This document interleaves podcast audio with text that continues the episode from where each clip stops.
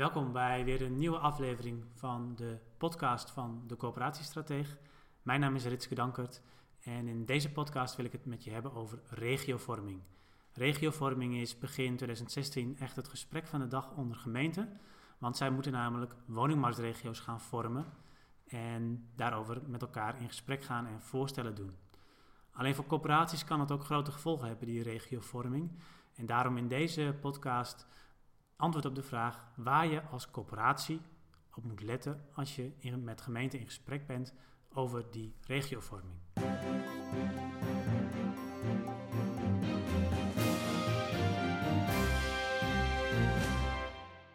In de woningwet van 2015 heeft de minister bepaald dat je als gemeente op zoek moet gaan naar andere gemeenten.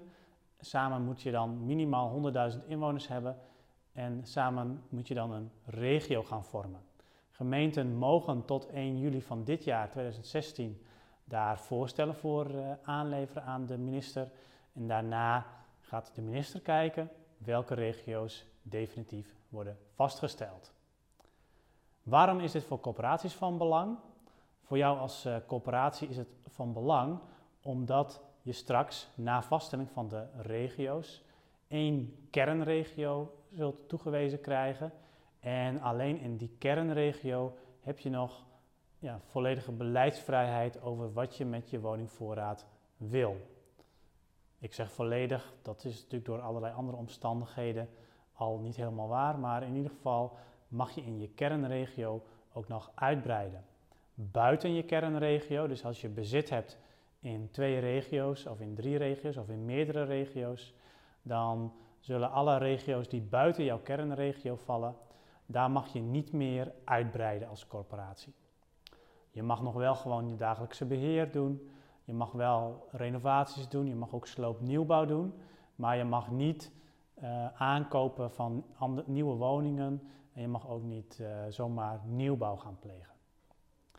Dus dat maakt dat het voor jou als corporatie van belang is dat eigenlijk zoveel mogelijk van je werkgebied in één en dezelfde regio valt, zodat dat ook je kernregio is. En op die manier zorg je ervoor dat je dus zoveel mogelijk beleidsvrijheid houdt om daar invulling aan te geven. Er zijn een paar uitzonderingen. Uh, bijvoorbeeld de categorale huisvesters, gericht op studenten, gericht op senioren bijvoorbeeld. Die mogen nog gewoon in het hele land blijven werken, ook in meerdere regio's. En dan mogen ze alles blijven doen. Een andere uitzondering is als er door deze regiovorming gemeenten ontstaan waar helemaal geen uh, coöperaties meer actief zijn die die gemeente ook in hun kernregio hebben. dat zou bijvoorbeeld het geval kunnen zijn als in een gemeente een coöperatie actief is die ook verderop in een grote stad actief is en um, als die kleine gemeente niet onder, die, uh, onder dezelfde regio gaat vallen als die grote stad. Dan kan de minister uh, daar een uitzondering voor, voor geven, een ontheffing voor geven, zodat ook in die gemeente nog wel in de volkshuisvesting geïnvesteerd kan blijven worden.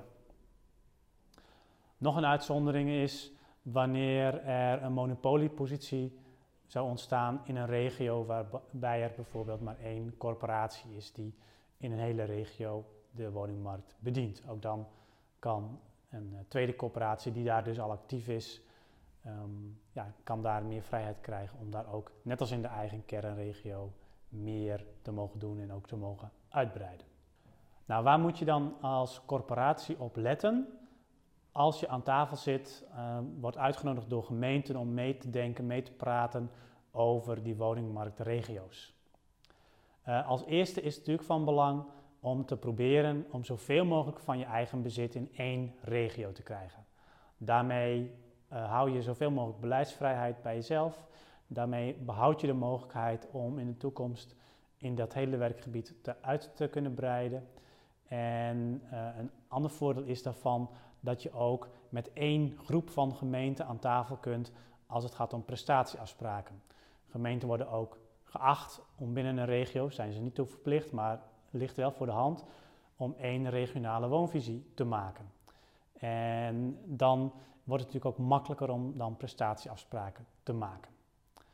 Als je in twee regio's zou zitten, dan ben je nog steeds gehouden, ook als coöperatie, om dus in je hele werkgebied prestatieafspraken te maken. Uh, ook al mag je buiten je kernregio dus minder doen dan binnen je kernregio.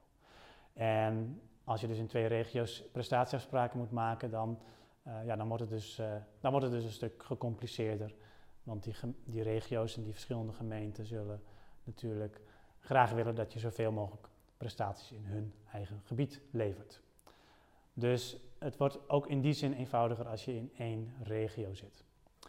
Um, waar je nog wel uh, op moet letten op het moment dat je niet je hele bezit in één regio kunt krijgen, omdat gemeenten gewoon niet willen samenwerken, of omdat je uh, dusdanig verspreid bezit hebt dat het ook niet reëel is. Uh, kijk dan vooral waar je grootste opgave ligt. En dan met name de grootste opgave in toekomstige mogelijke uitbreiding. Want buiten je kernregio mag je nog steeds een heleboel doen in bestaande bezit. Maar het uitbreiden, dat is echt gereserveerd voor je kernregio. Dus kijk goed van wat zou dan de kernregio moeten zijn. En probeer dan in, rondom dat gebied, dus waar je grootste opgaven zitten, rondom dat gebied ook zoveel mogelijk van je woningbezit in die regio uh, te krijgen. Nou, dat zijn een aantal dingen waar je uh, op moet letten of, of, op kunt letten als je als coöperatie aan tafel zit bij de gemeente. Um, uiteindelijk zijn het de gemeenten die voorstellen formuleren. En in de meeste gevallen, als dat niet uh, conflicterend is met, met andere belangen van andere gemeenten, en als er geen gemeenten dan um, bekaaid van afkomen, dan zal de, zal de minister dat waarschijnlijk overnemen. Als er echt problemen ontstaan, nou, dan, dan zou het kunnen zijn dat de minister toch op een andere regio-indeling uiteindelijk uitkomt. Maar het ligt toch wel voor de hand dat je uh, het van belang is om nu je invloed bij de gemeenten te laten gelden. Bedankt voor het luisteren naar deze podcast. Wil je nieuwe afleveringen ontvangen? Abonneer je dan op deze podcast. En kijk ook eens op onze website corporatiestratege.nl voor meer praktische tips en downloads die jouw werk als corporatiestratege makkelijker maken.